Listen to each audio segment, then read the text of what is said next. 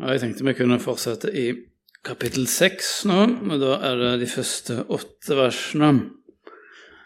Vi skal lese. Det er en ganske mektig, skummelt, kanskje.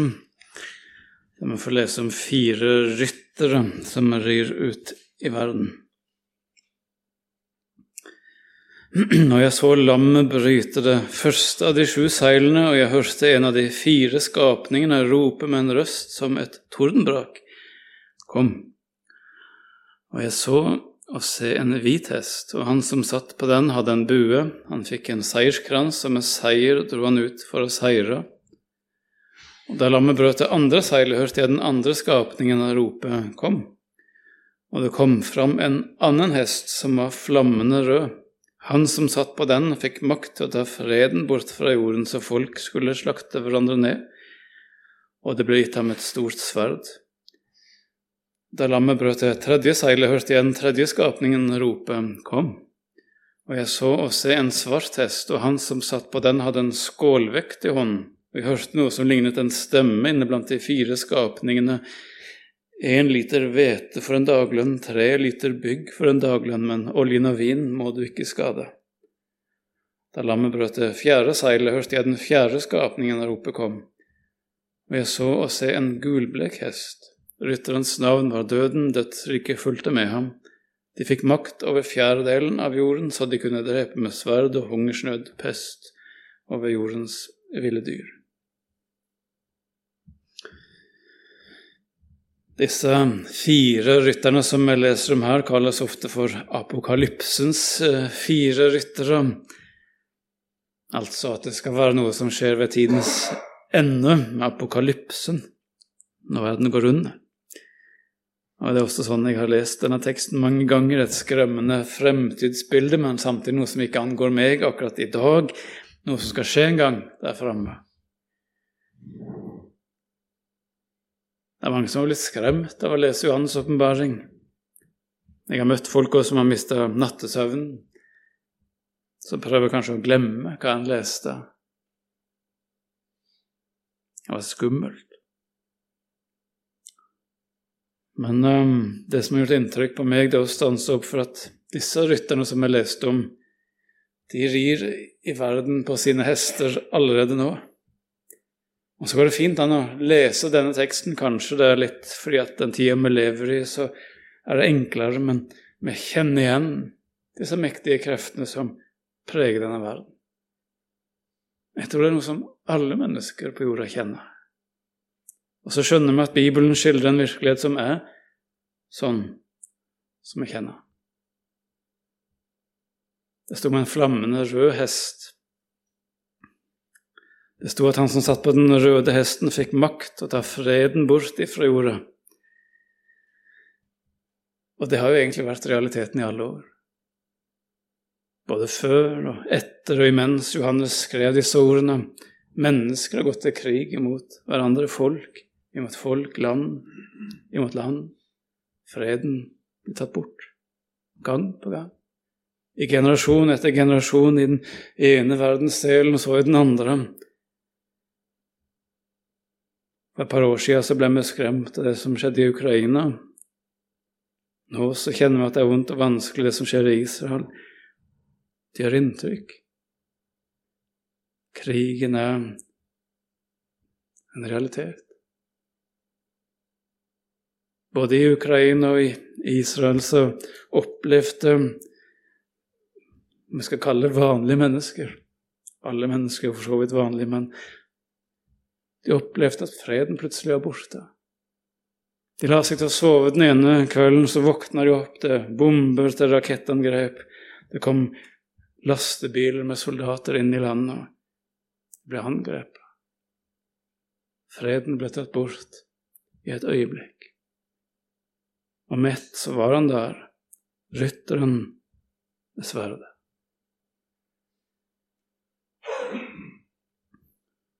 Putin han ble på en måte en rød hest som bar denne rytteren inn i Europa. Hamas bar rytteren inn i Israel. Men så vet vi at det er ikke bare mellom land og folkeslag og folkegrupper at freden kan forsvinne. Rytteren på den røde hest han tar også bort freden i, internt i familier, på arbeidsplassen, i forsamlinger. Skaper misunnelse, sjalusi, bitterhet, sprer på rykter og mistenksomhet, nører opp under uløste, uløste konflikter.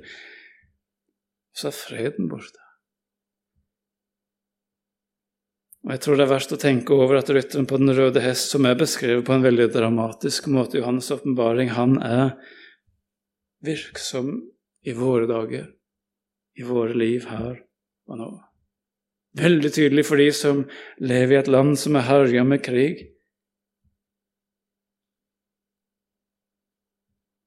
Men også i vårt land så kjenner man igjen. Og For min del så har jeg måttet stanse opp for at jeg, jeg ønsker å kjempe sammen med den røde rytteren. Nei, jeg vil kjempe imot han. Stå imot fristelsen til ufred, unødvendige konflikter, kjempe imot bitterhet og baktalelse. Og så er så lett for å bli medhjelper for rytteren på den røde hest. Mange ganger jeg har undret meg over um, at jeg kan være så hard i mitt hjerte mot andre mennesker. Jeg kan bli mistenksom. Jeg kan så fort ønske å rive noe ned, lete etter skjulte motiver, kanskje sette folk i en eller annen bås, kjenne på en trang til å baktale, og så er det så altfor lett å dømme mennesker. Jeg også undrer meg over hvor mange ekteskap som plutselig går i oppløsning, der freden hjemme er borte.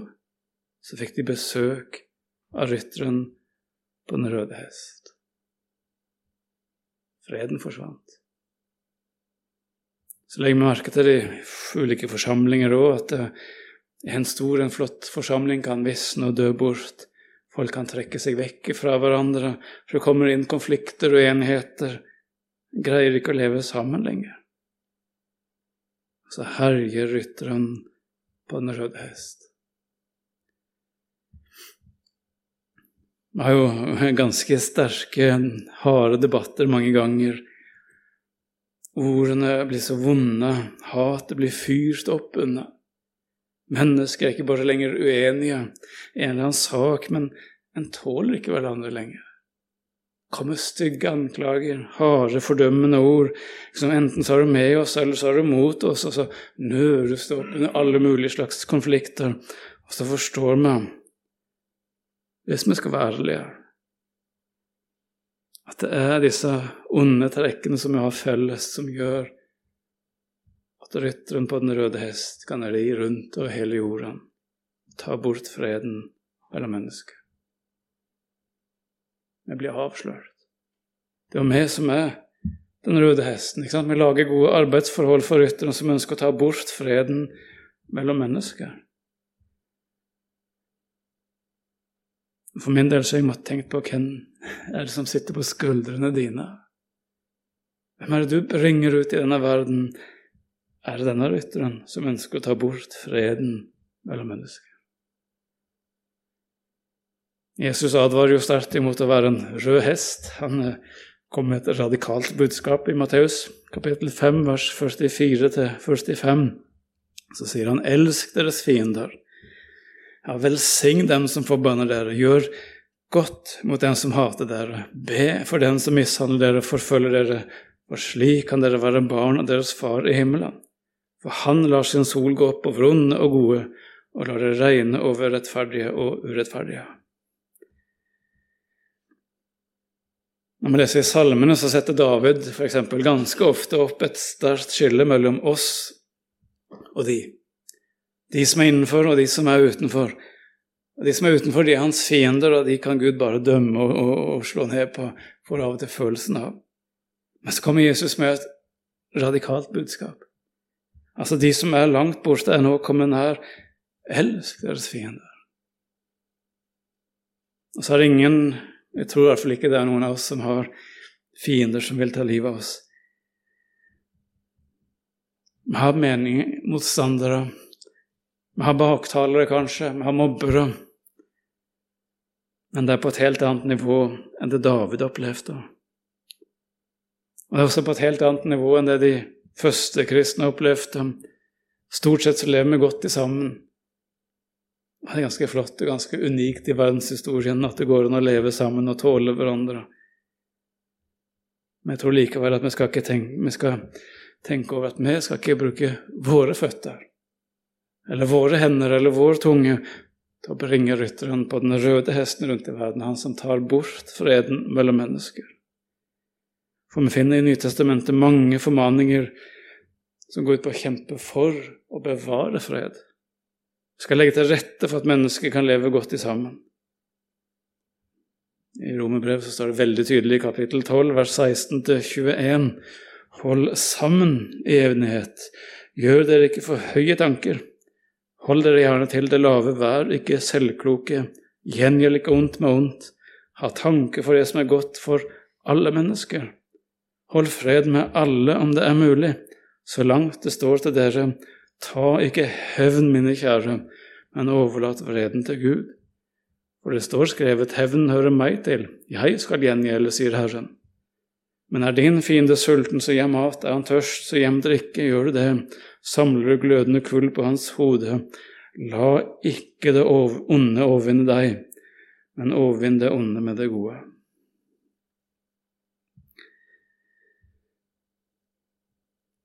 Videre så sto det om en rytter på en svart hest.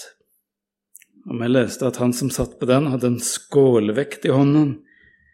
Og jeg hørte noe som lignet en stemme inne blant de fire skapningene, én liter hvete for en daglønn, eller tre liter bygg for én daglønn.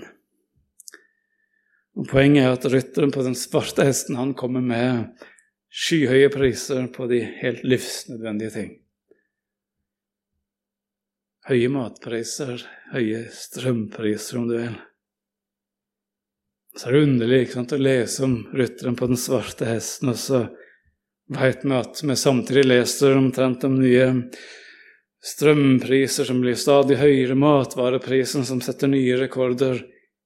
Og så håper vi og tror vi at den situasjonen vi er i, det er en forbigående sak, en midlertidig krise. Vi lever i en litt annerledes tid, kanskje. Mange som kjenner på det at en er spent. Hvordan skal det gå? Vet ikke. Økonomene er litt uenige. Fremtiden er vanskelig å spå. Men så er det litt interessant å lese vi kjenner oss igjen med det som Bibelen taler om. Men å synke inn at det, det er ikke bare noe som skjedde på Johannes sin tid, det er ikke bare noe som skal skje en gang langt inn i fremtiden, men det er jo virkeligheten som vi lever i nå. Mange år så har vi vært bortskjemt med lett tilgang på billig mat i Vesten. Vi har spist oss mett hver dag. De fleste har jo en grei økonomi og hatt unik mulighet til å gjøre akkurat det en vil, uten å måtte tenke på å måtte spare så mye penger. Kanskje dette i hvert fall blir en påminnelse om at sånn er det ikke for alle mennesker. Det er ikke en selvsagt ting. Så kan en lure på hvordan er det at vi som lever i en verden som, som er så rik på naturressurser, vi greier ikke å fordele godene imellom oss. Noen ganger er matvareprisen altfor høy, andre ganger er dagslønnen altfor lav, og så er det mange i verden som ikke har råd til å kjøpe seg mat hver dag. Og så er verden et urettferdig sted, og det skal vi ikke godta. Vi skal slåss mot rytteren på den svarte hesten. Og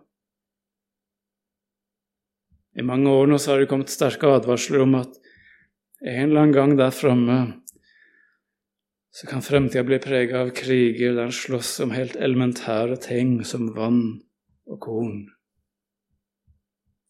Det er ikke olje eller religion, kanskje, eller andre ting, eller makt, men det slåss om å overleve. Ser vi bilder om tørke, vi ser innsjøer som blir borte, vi ser voldsomme skogbranner, enorme flommer, vi skjønner starten på en usikker fremtid. Vi hører rytteren på den svarte hesten nærme seg. Så er det en vond erkjennelse å oppdage at det, det er vi som bærer denne rytteren inn i verden. Det er vår skyld. Det er vår egoisme, vår livsstil, den overdrevne materialismen, den urettferdige systemene. Alt dette her skaper jo gode arbeidsforhold for rytteren på den svarte hesten. Og så blir han båret ut i verden av mennesker som tenker alle sammen at jeg, jeg fortjener litt ekstra, litt mer enn de andre. Og når alle tenker det, så dundrer denne hesten ut i verden. Så får vi lese om en gulblek hest, som en rytter som kommer med død. Og et av hans kjennetegn det var jo at han kom med sykdom. Og Gjennom historien så har jo mennesker alltid vært livredde for pesten, som det sto om. Det er en av de faste bekymringene som alle har hatt. Kommer pesten til vår landsby? Og så har denne rytteren han har ridd gjennom historien. Han har vært frykta, han har vært grusom, godt kjent. Vi hadde kanskje nesten glemt han ut. Men så fikk vi merke at han fortsatte rir videre. Ikke bare i ulike kreftformer, ikke bare i eh, noen eksotiske sykdommer, men med et helt vanlig virus, altså. Plutselig så kom jo et influensavirus som, som rammet verden, og så stoppet verden opp, og så forsto vi kanskje, om eh, ikke alle vil innrømme det, kanskje, men vi er fortsatt sårbare. Vi har ikke så god kontroll som vi liker å tro. Rytteren på den gule hesten sa på en måte ifra 'Jeg er her fortsatt'.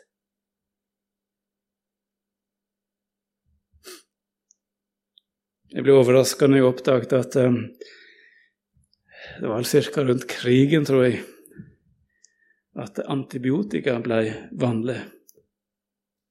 En medisin som bare vært i noen få år. Og i noen få år, de årene som jeg har levd, så har vi hatt et overtak i kampen mot bakterier. Veldig liten tid av menneskets historie. Og så kom jo stadig flere forskere og så advarer de mot eh, det de kaller for resistente bakterier. De er nervøse. Kanskje vi mister det overtaket som antibiotikaen har gitt oss. Fordi mennesket misbrukte medisinene til egen vinning, profitt, og så førte til en rask økning av resistente bakterier. Et framtidsscenario som noen frykter. En verden der bakterier ikke lenger dør av våre medisiner. Og så er det noen mennesker som kjenner på en reell frykt og et voldsomt comeback av rytteren på den gule hest. Og så er det mange som har møtt denne hesten på eller rytteren på et nært hold. Han er ubarmhjertig. Han angriper ikke bare store folkemengder, landsbyer, folk, men også enkeltpersoner. Plutselig så er sykdommen der. Vanskelig å håndtere både for sin egen del og når den rammer en nær familie. Mange som er plaga av rytteren på den gule hest. Han er en fæl, ondskapsfull fiende. Og Så møter vi altså her i Johannes' åpenbaring tre skumle ryttere. Og Det som er påfallende, er at det er jo egentlig ikke noe nytt. Altså Det er skummelt å lese om det, men når vi tenker etter, så kjenner vi oss igjen. Det er på mange måter en del av hverdagen vår. Det er en skildring av åssen det alltid har vært. Og Gud avslører på en måte i alle fall noen av de kreftene som lever her i verden, som har forfulgt og plaga mennesker til alle tider. Og kanskje vi også oppdager etter hvert at saken er jo at disse kreftene er i verden på grunn av oss mennesker. Det er vår synd som slipper løs disse kreftene, vi som holder livet, da. Måten vi lever på, oppfører oss. Kanskje du kan si det sånn at summen av mange mennesker som stadig hver dag gjør noen feil, valg som gjør at disse rytterne kan reise rundt i verden på sine kraftige hester. Så har det vært noen år, spesielle år i Vesten nå, hvor vi nesten har følt oss fri fra disse rytterne. En liten tid i historien, men kanskje vi gleder oss for tidlig. Så ble vi overmodige, og så innser vi etter hvert at vi greier ikke å rømme vekk fra vår synd. Og så kommer hestene dundrende imot oss igjen. Intensiteten øker. Det ser ut til å gå akkurat slik som Johannes' åpenbaring skildrer en verden som er stadig mer plaga og herja av disse rytterne. Og det er jo spesielt akkurat den tida vi lever i nå, hvor, hvor mange mennesker som kjenner på en håpløshet, frykt, i møte med disse ødeleggende kreftene i verden. Mennesker som unge mennesker kjenner på en maktesløshet. Kreftene virker ustoppelige. Noen demonstrerer, noen roper, mange er redde, og også en del mister livsgleden og gir opp.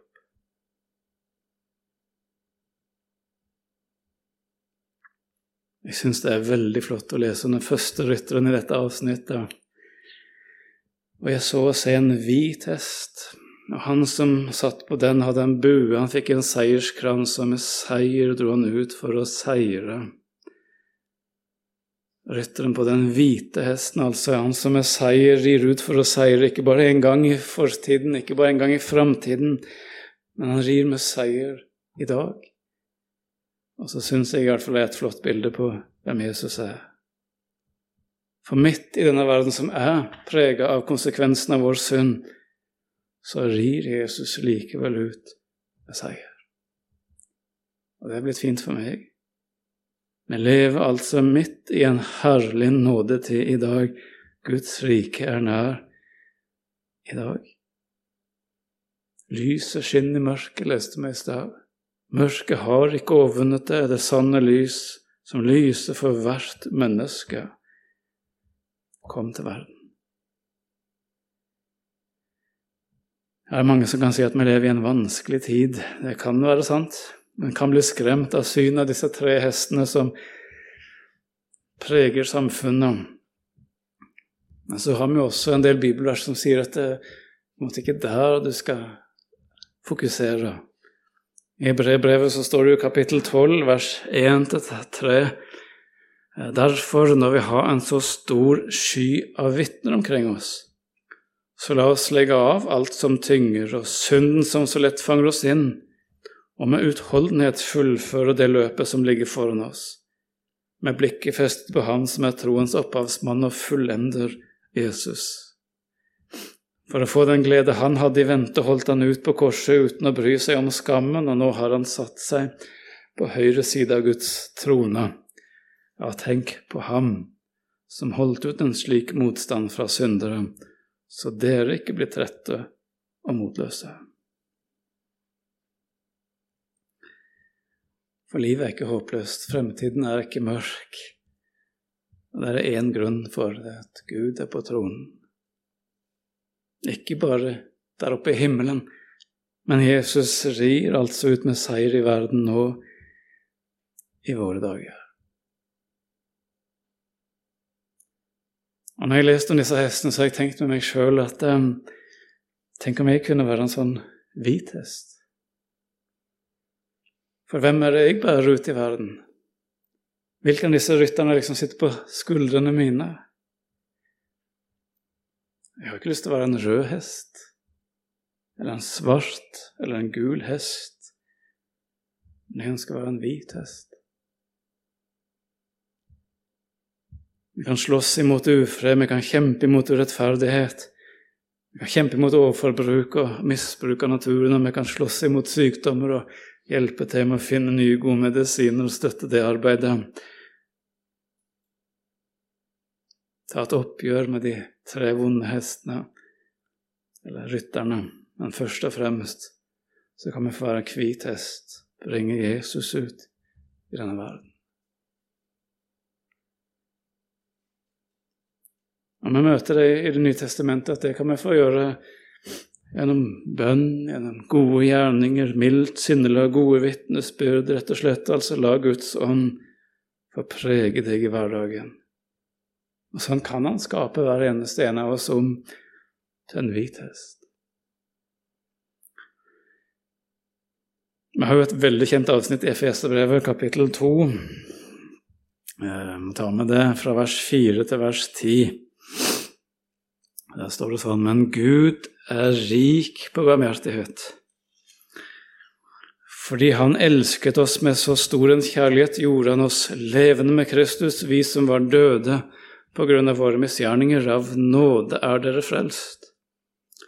I Kristus Jesus har Han reist oss opp fra døden sammen med ham, satt oss i himmelen med ham, og slik vil Han i de kommende tider vise hvor overstrømmende rik Han er på nåde, og hvor god han er mot oss i Kristus Jesus. For av nåde er dere frelst ved tro. Det er ikke deres eget verk, men Guds gave. Det hviler ikke på gjerninger for at ingen skal skryte av seg selv. For vi er Hans verk, skapt i Kristus Jesus til gode gjerninger, som Gud på forhånd har lagt ferdige for at vi skulle vandre i dem.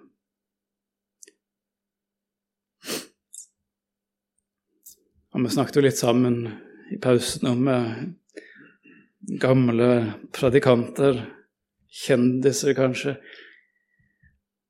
Og så kan det jo være noen sånne mennesker som en ser på som noen sånne flotte, hvite hester. Kanskje du har møtt noen du i hverdagen som eh, var så vennlige, som var så gode, eller noen som hadde så flott et vitnesbyrd om Jesus, og så kom de med Jesus til deg, liksom de fikk bære Jesus til deg. Så var det sånne flotte, hvite hester. Det kan også være at det var noen skurker, rabagaster, som fikk vise deg Jesus. De var ikke så fine i seg sjøl, kanskje noen mer som esler, ikke sant, men på en eller annen måte så fikk de bære Jesus til deg likevel. Åssen kan du være en hvit hest? Jo, vi leste jo det er bare nåde.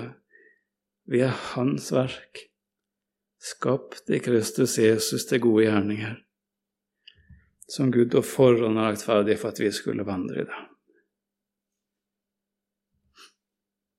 Vi leste i stad om den åpne døra inn til himmelen. Se, jeg satt foran deg en åpna dør. En åpen dør. Og jeg syns det er så fint å tenke på det i dette sammenhengen, at det, at det står også en åpen dør foran kristenlivet ditt. Gud har på forhånd lagt ferdig noen gjerninger for at du skulle vandre inn i dem. Det står en åpen dør foran deg. Jeg skal være litt forsiktig, jeg vet ikke så mye om åssen en rir på en hest. Jeg har egentlig aldri gjort det og har aldri tenkt å gjøre det heller. Men uh, jeg forstår at den som rir har, De fleste har ganske god kontroll på hesten sin, men det er liksom et samspill. Hesten blir litt kjent med rytteren, lærer å forstå kommandoene som han får. Og i dette bildet så er meg og deg hester som kjenner rytteren, som kjenner Jesus, som lærer seg til å lytte, følge med når Jesus justerer kursen gjennom hverdagen. I dag har han tenkt du skulle gå litt mer den veien. En annen dag så vil han gå en annen vei. En dag så vil han føre deg til hvile, hvilens vann så er det litt ulike oppgaver. Og så kan vi få lov til å gå som en god hvit hest der Jesus styrer deg inn i hverdagen, inn i de gjerningene som er lagt ferdige for deg.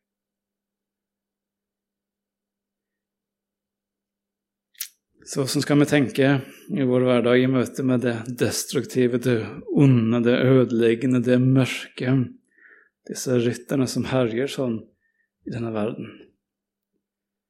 Ja, vi trenger ikke å overse det. Vi trenger ikke å late som at det ikke fins. Vi trenger ikke å flykte fra virkeligheten. Vi kan snakke sammen om det som er vanskelig, uten å overdramatisere og skremme hverandre. Det er litt lett for å bli sånne rykter, sensasjoner, halsende avisoverskrifter. Han at det etter mange kriser som også blir overdrevet en del, for det er jo penger å tjene på å skremme mennesker. Men uansett så kan du få omfavne med hele deg at midt i denne verden, altså, så er det en rytter som er sterkere enn de andre. Det er en som med seier, rir ut for å seire. Og derfor er livet en herlig gave. For det et lys midt i mørket, og mørket har ikke overvunnet lyset. Kjære himmelske Far, jeg har lyst til å takke deg for at du er den du er. At du også i dag rir med seier rundt omkring i verden. Så jeg har lyst til å be deg om at uh, jeg kunne få være en hvit hest som bærer deg ut i verden. At du hjelper oss, Jesus, til å ta opp kampen imot de onde, vanskelige kreftene, men samtidig først og fremst være preget av deg. Kunne det bli sånn at vi lærer å kjenne dine styrelser i løpet av dagen. At det blir en trofast hvit hest. Og takker deg for at uh, vi også i kveld kan få legge oss, hele oss i nådens hav, og så kan vi få bo der. Så jeg har lyst til å be for alle de menneskene som er rundt oss, som kjenner på det at mørket siger inn. Det er så mange som er redde, bekymra, nervøse for framtida. At vi får se det Jesus og lyse med ditt lys i mørket. Amen.